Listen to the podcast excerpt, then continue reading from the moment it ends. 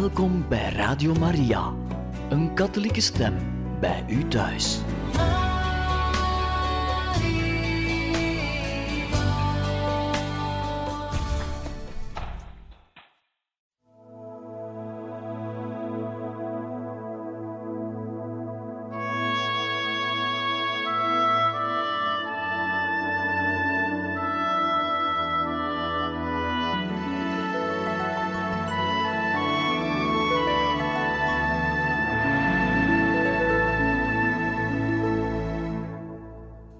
Beste luisteraars van Radio Maria, hartelijk welkom in dit programma Heilige Getuigen, waar wij verder gaan met de lezing uit het boek De Wenende Maagd van La Salette, geschreven door eerwaarde heer De Vleeschouwer. Vorige keer zijn wij begonnen met de eerste lezing uit dit boek en hebben wij de inleidingen gelezen, het voorwoord en een inleiding en daarna het begin met een beschrijving van de omgeving van La Salette. We gaan daarmee nu verder onder het onderwerp langs La Route Napoléon. In 1950 heeft de hoge berg de Obiou, van meer dan 3000 meter, zich de wereld door ruchtbaar gemaakt. Ter gelegenheid van het heilig jaar was een Canadees vliegtuig op terugtocht van Rome naar Canada. Het had 52 Rome-bedevaarders en zes personen van de bemanning aan boord. Hoe het gebeurde is moeilijk te verklaren, maar toen het vliegtuig deze streek van de Alpen overvloog, is het in zijn volle snelheid op de kruin van de Obiou te pletter gebotst. Opslag was het vliegtuig met al de inzittenden letterlijk versplinterd en vermorzeld. Dit gebeurde in de late avond van 13 november 1950. Gans de streek werd door de geweldige ontploffing wakker geschud. Dadelijk vertrokken reddingsploegen op zoek. Pas na een week ontdekte men de wijd opengezaaide wrakstukken met hier en daar overschotten van de vermorzelde lichamen.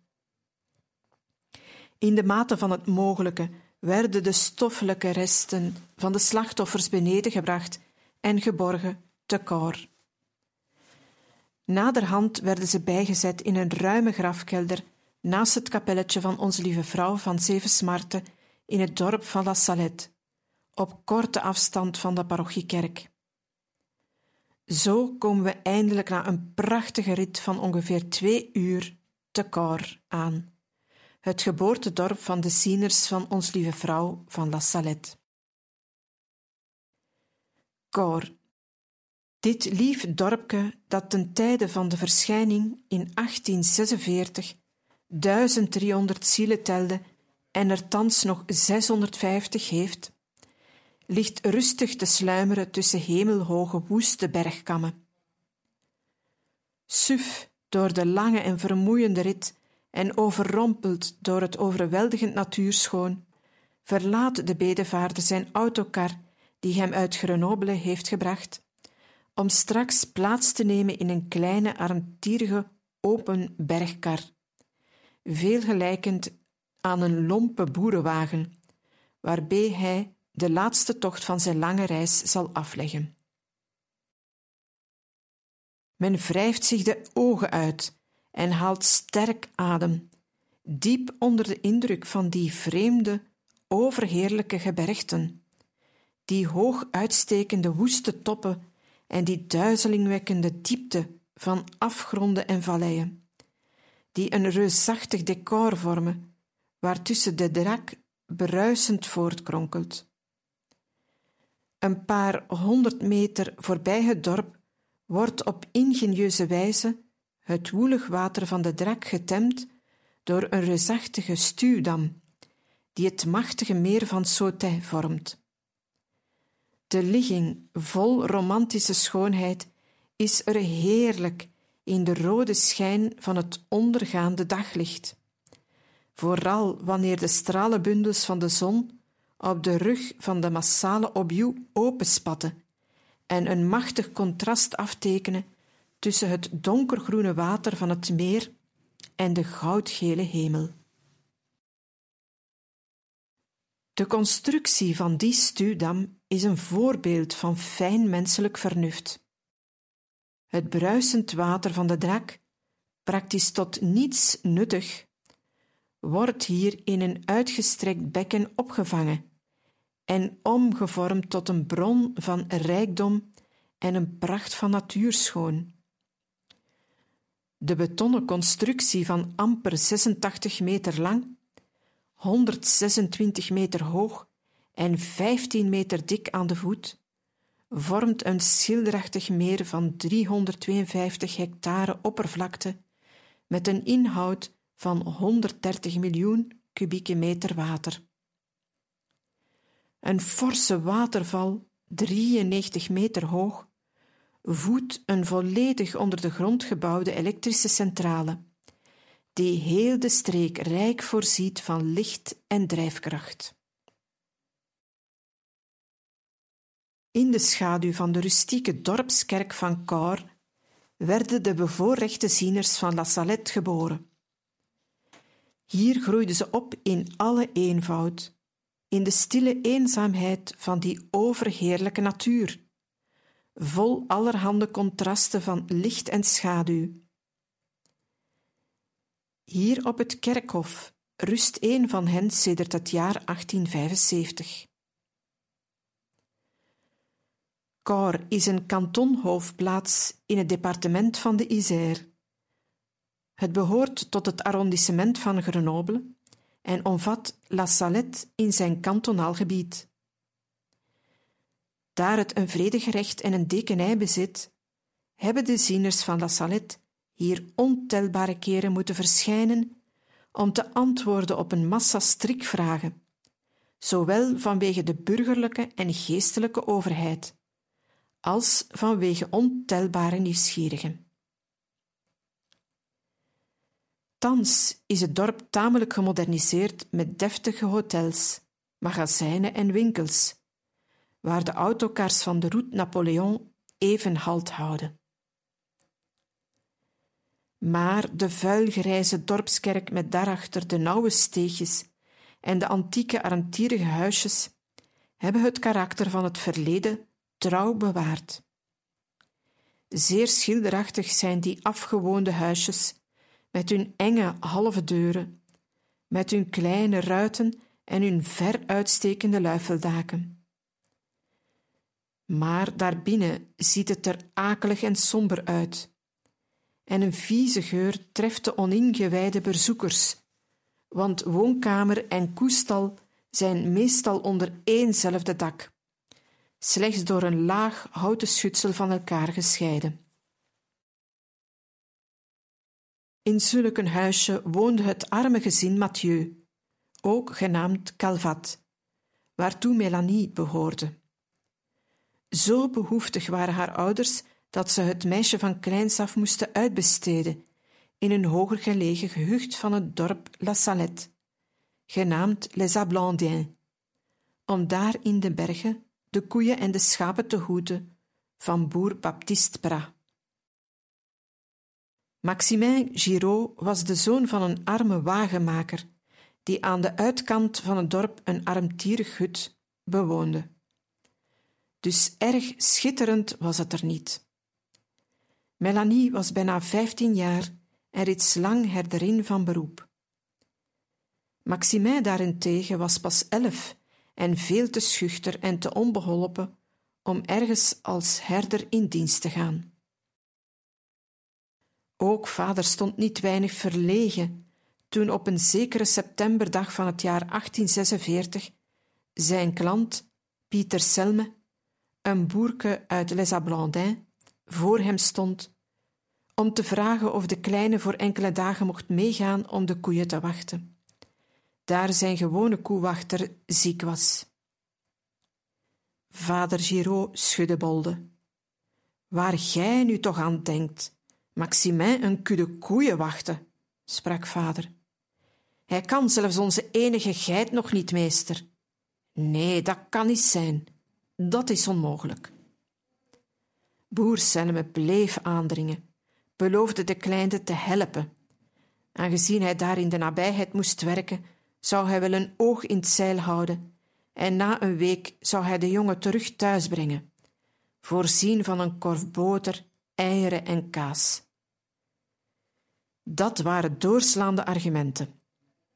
De wagenmaker gaf zijn toestemming en dezelfde avond landde de jongen aan in het gehucht Les Ablandins, hoog in de bergen, waar Melanie, die hij nog niet kende, reeds lang herderin was. Diezelfde steile bergwegel gaan wij nu ook volgen, maar hogerop, voorbij Les Ablandins, naar het genadeoord van de wenende dame van La Salette, in de stille eenzaamheid.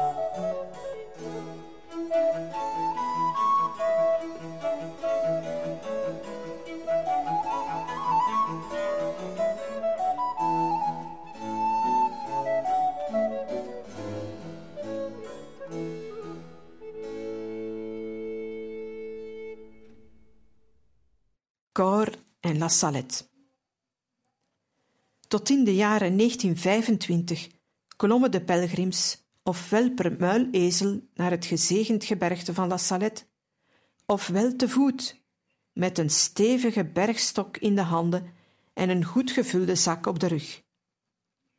Een geoefend bergbeklimmer heeft er minstens twee en een half uur voor nodig, alhoewel de afstand slechts negen kilometer telt terwijl het niveauverschil van Cor naar La Salette ruim 900 meter bedraagt.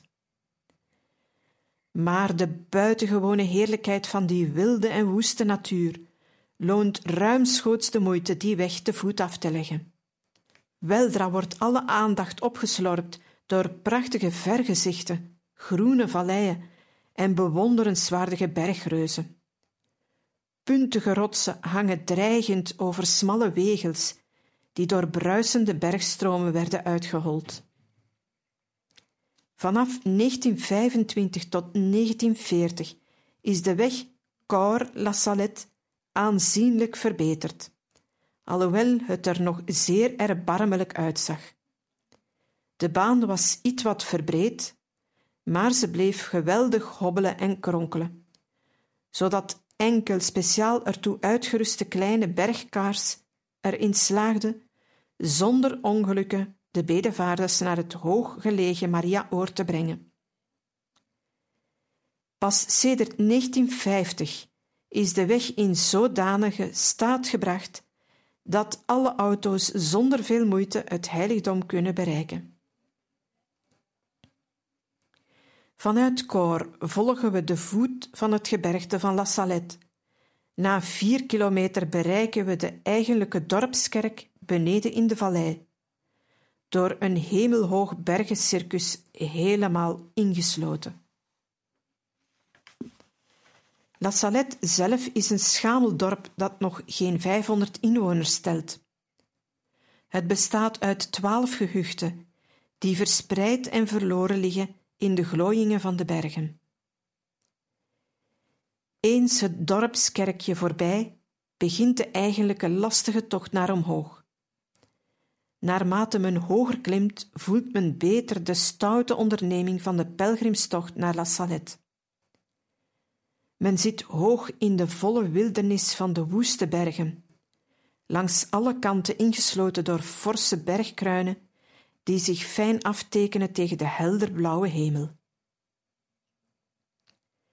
Weldra komt men aan het schamele gehucht Saint-Julien, door armoede bijna gans ontvolkt.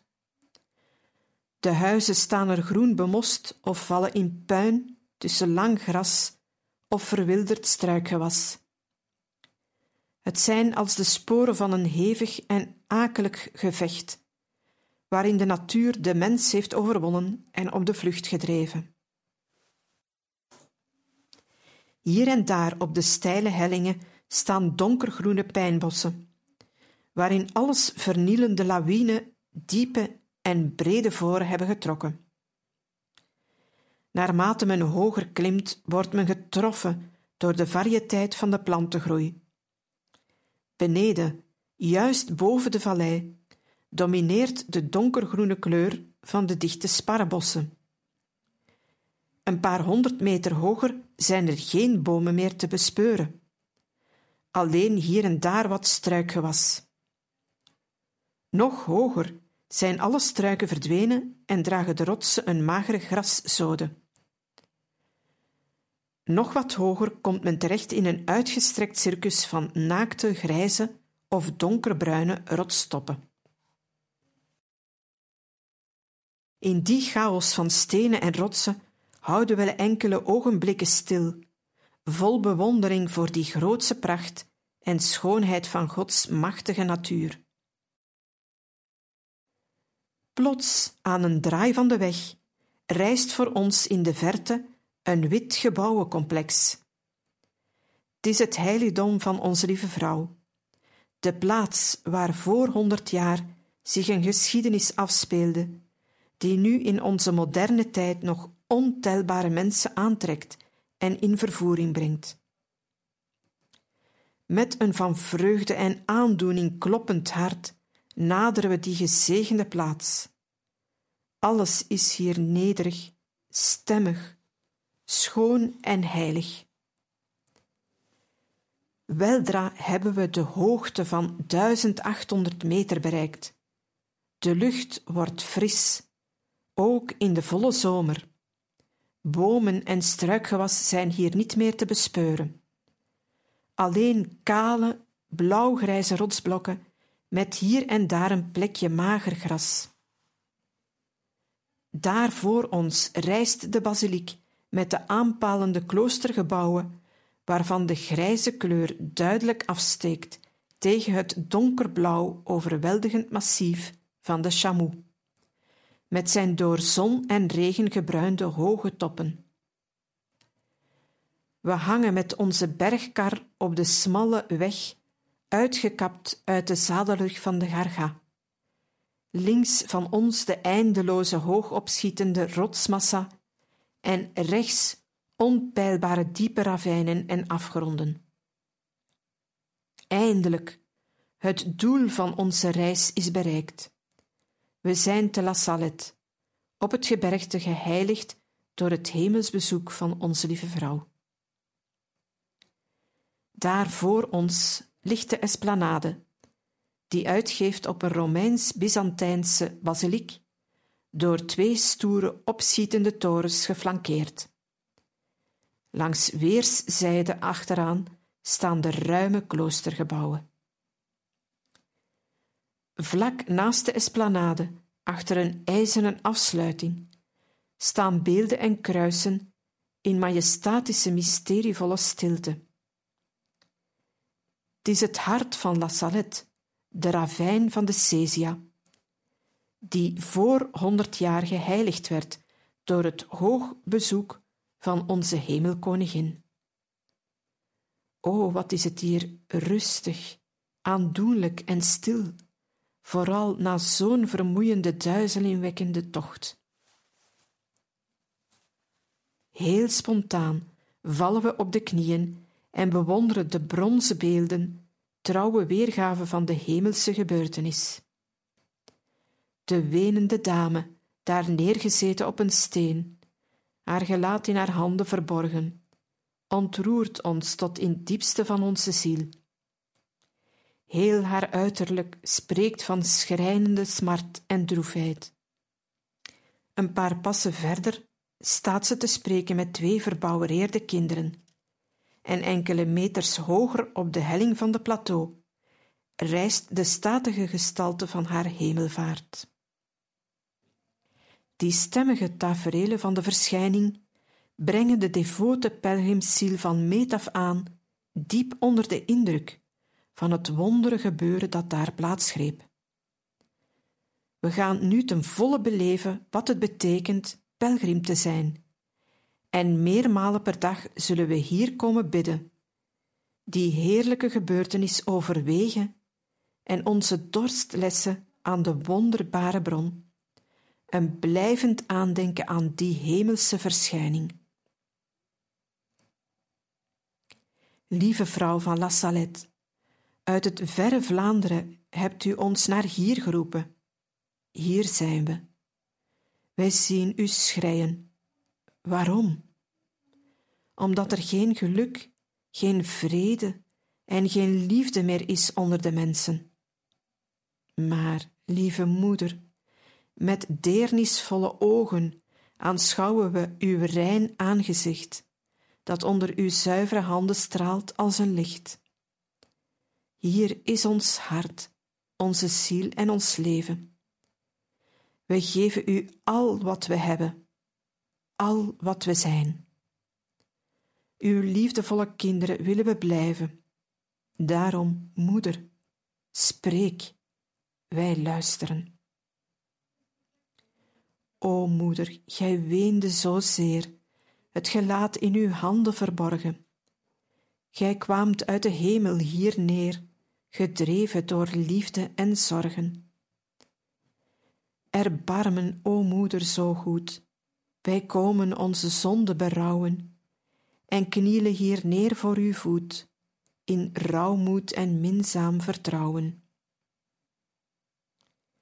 Na deze eerste liefdeuiting tot onze wenende hemelmoeder, gaan wij nu eerst kennis maken met de nabije omgeving. Sedert de verschijning zijn er hier lichte veranderingen aangebracht. Men plaatste er de beelden en de kruisweg als blijvend aandenken aan de hemelse gebeurtenis. Men bouwde de basiliek en het klooster om de devote pelgrims te kunnen bijstaan naar ziel en naar lichaam.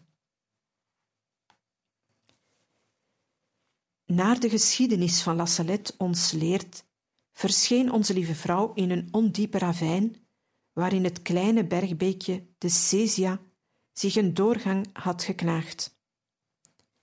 In deze ravijn, op de rechteroever van dit beekje, op de plaats waar sedertdien het beroemd fonteintje borrelt, hebben de twee kinderen de schone dame voor het eerst opgemerkt. Toen vormden de beide randen van de ravijn een lichte helling met gras overgroeid. Ontelbare pelgrims hebben in de loop van de jaren de grond met handen en voeten omwoeld en hebben stenen, aarde en grashalmen als kostbare reliquieën meegenomen. Zodanig dat men zich verplicht zag de gezegende plaats te beschermen met een stevige omheining in gesmeed ijzer. Ten tijde van de verschijning vloeide daar bij tussenpozen een bron, de kleine fontein genaamd, die slechts bij het smelten van de sneeuw na grote stortregens een weinig water gaf. Op 19 september 1846 stond die totaal droog. Maar sedert onze lieve vrouw daar was gaan neerzitten op een steen, is die fontein nooit meer uitgedroogd als gevolg van haar plots ontspringen en van de wonderen door dat water daar verwekt, noemt men haar de miraculeuze bron. Ongeveer dertig meter hoger lag de zogenaamde beestenfontein. Met stenen, aarde en graszoden hadden de herders er een drinkbedden voor de dieren gemaakt. Een paar passen voor het beeld van de wenende dame, op de plaats waar ze aan de verbouwereerde kinderen haar hemelse boodschap meedeelde, staat een beeldencomplex, een trouwe weergave van haar onderhoud met de kinderen. Enkele meters hoger, op de plaats waar de verschijning verdween, staat een derde beeld, anderhalve meter boven de grond, het aangezicht naar Rome gekeerd en de ogen ten hemel gericht. De afstand door de verschijning afgelegd vanaf de plaats waar ze zat te wenen tot waar ze verdween, heeft de vorm van een uitgerokken S. Naar men later heeft vastgesteld, zou die weg gelijken aan de lijdensweg die Jezus met zijn kruis heeft afgelegd vanaf het pretorium van Pilatus tot op de Calvarieberg. Instinctmatig zagen de vrome bedevaarders een innige verhouding tussen de weg die Maria hier aflegde en de kruisweg die Jezus volgde op de dag van zijn lijden.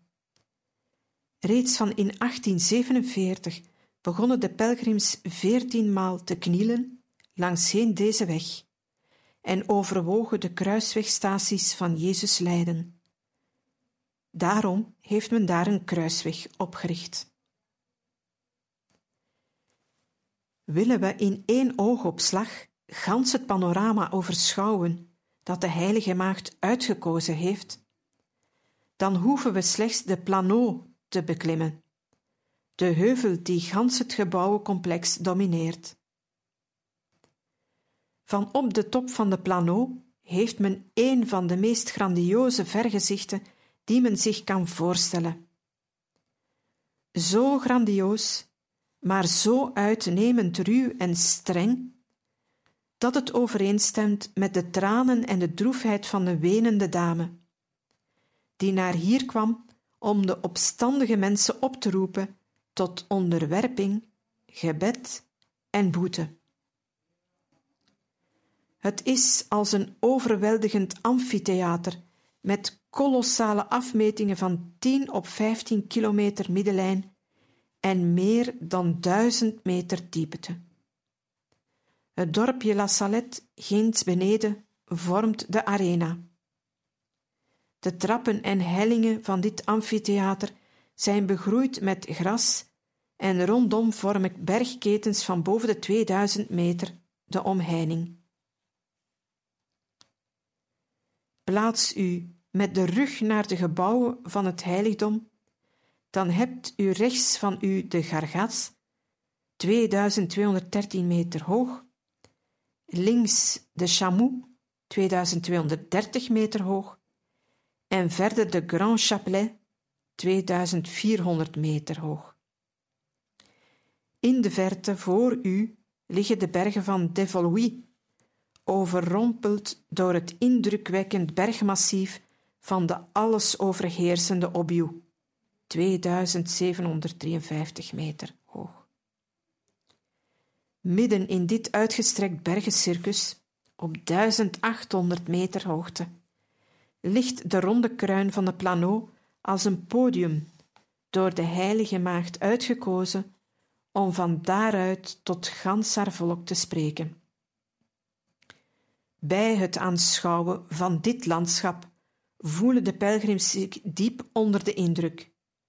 Ze zijn als die globetrotter die gans de wereld had doorgereisd en de La Salette in volle bewondering uitriep: Ik heb veel landen doorkruist, ik heb oneindig veel gezien. Maar nu pas is mijn verbeelding voor de eerste keer voldaan. Eindelijk voel ik me in het beloofde land, waar men van de overheerlijkheid van Gods natuur oprecht ten volle kan genieten.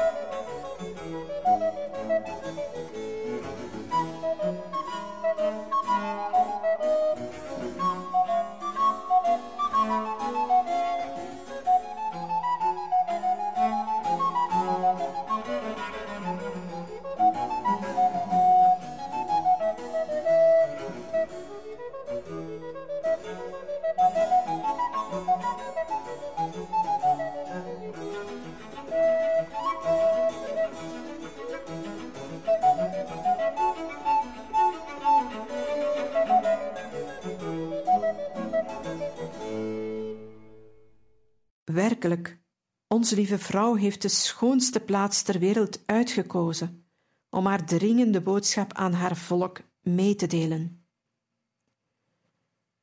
Het is nogthans niet enkel omwille van die uitnemende schoonheid dat de heilige maagd naar hier kwam. Deze omgeving is geen gewone lokaliteit om van hieruit tot de wereld te spreken. Het is geen stil, stemmig boerendorp het is geen luxueuze grootstad, maar een ruw, eenzaam en verlaten gebergte. Waarom toch kwam ze juist hier? Het is niet moeilijk daar de nodige uitleg voor te vinden.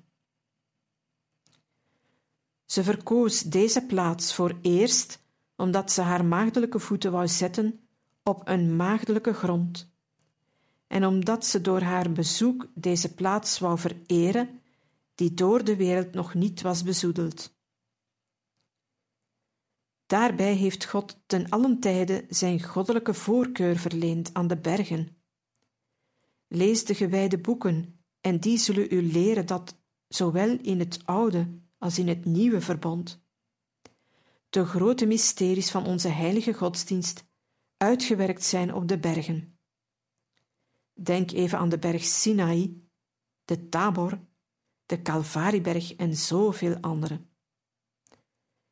Maar de grootste reden waarom Maria voor haar bijzondere zending een eenzaam en verlaten gebergte verkiest, is omdat ze al haar kinderen wil uitnodigen om het gejaagd en ophitsend rumoer van de wereld te vluchten en om te komen op deze plaats van zalige stilte en diepe ingetogenheid. De bergen zijn immers als grenzen tussen God en de mensen. God daalt neer en de mens klimt omhoog. God daalt neer om de mensen te benaderen en de mens klimt omhoog om God te benaderen. De meest geschikte plaats voor die wederzijdse ontmoeting is voorzeker het heilige bergte van La Salette. Nader, mijn God, bij u, u naderbij.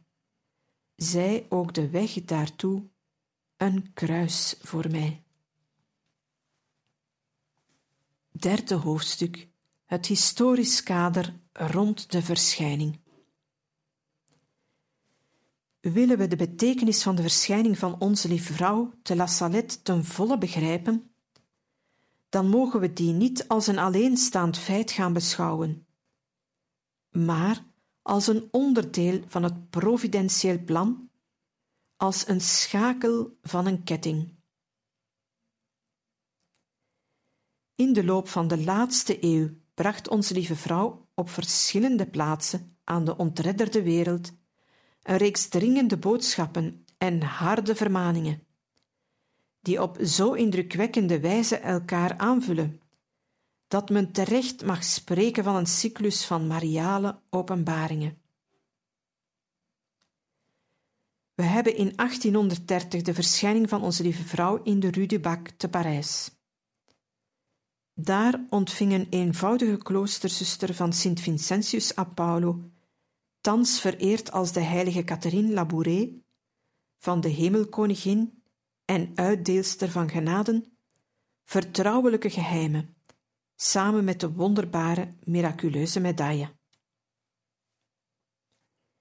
In 1846 verscheen onze lieve vrouw te La Salette. In 1858 te Lourdes. In 1871 te Pontmain. In 1917 te Fatima. In 1933 te Borin en te Banneux.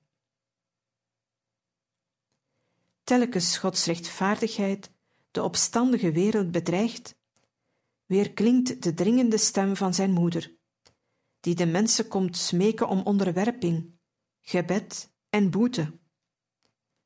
Uit loutere moederliefde komt ze ons herinneren aan de miskende en verwaarloosde leer van het evangelie en aan de dringende noodzakelijkheid tot bekering.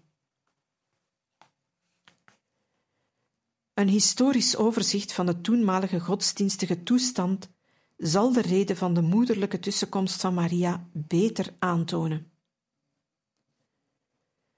Het grootste euvel, de Franse Revolutie, gaf de mokerslag aan de christelijke gedachte, die tijdens de 18e eeuw door de rationalisten reeds fel was ondermijnd. Klimmen we eerst nog wat hoger op en we zien de christenheid erg verzwakt door de protestantse hervorming, die door het vernielingswerk van de heidense renaissance het kleed zonder naad van de kerk had uiteengescheurd. De onmiddellijke gevolgen van de revolutie waren op godsdienstig gebied erg erbarmelijk. Gedurende tientallen jaren leek de kerk zowel bij ons als in Frankrijk een braakliggende akker.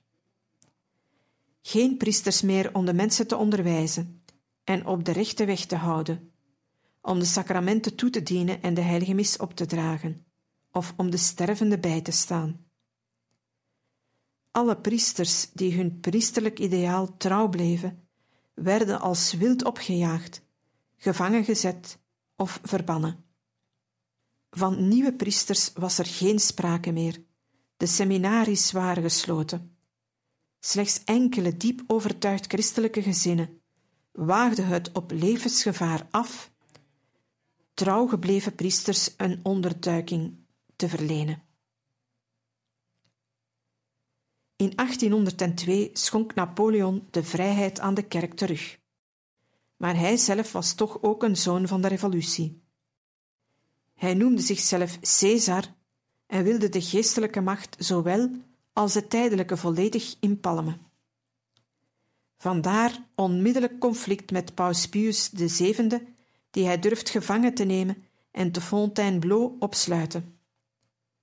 Later, tijdens zijn ballingschap op Sint Helena, moet de wereldveroveraar dit feit brandmerken als het begin van zijn ondergang. Na Napoleon volgde de restauratie, die in haar taak niet slagen kon, omdat men op volledig nieuwe politieke en sociale vormen een oud en versleten masker wilde plakken. Het deïsme van de 18e eeuw, dat alle geopenbaarde godsdienst bestrijdt en enkel een natuurlijke godsdienst aanneemt, zet de strijd tegen het christendom hardnekkig voort. Terwijl het een verre ongenaakbare God met grote gebaren vereert, verwerpt het Jezus Christus als Zoon van God en meteen zijn ganse openbaring en zijn verlossingswerk. De leerstellingen van de goddeloze, zedeloze en wraaklustige Voltaire komen terug in het daglicht. In zijn brandende haat tegen de kerk vormt hij een materialistische generatie zonder evenwicht die de onsterfelijkheid van de ziel logent, die de geschiedenis van de erfzonde verwerpt en die de juiste plaats van de mens tegenover God niet meer erkent. Met de fameuze juli-revolutie van 1830 stortte de restauratie ineen en toen schoof de regering met de monarchie van Orléans volledig naar links. Door de absolute liberale meerderheid werd de kerk nog meer dan ooit gehaat en bespot. Tal van kerken werden geplunderd en gesloten, kruisbeelden uit sarcastische haat vernield, priesters vervolgd, verbannen en mishandeld. Beste luisteraars, we beëindigen hier voor vandaag deze lezing uit het boek De Wenende Maagd van La Salette, geschreven door eerwaarde heer de Vleeschouwer en gaan volgende keer verder met hoofdstuk 3, historisch kader rond de verschijning. We hopen dat deze lezing u deugd gedaan heeft en vruchtbaar was voor uw geestelijk leven, wensen u nog een gezegende avond toe en tot een volgende keer.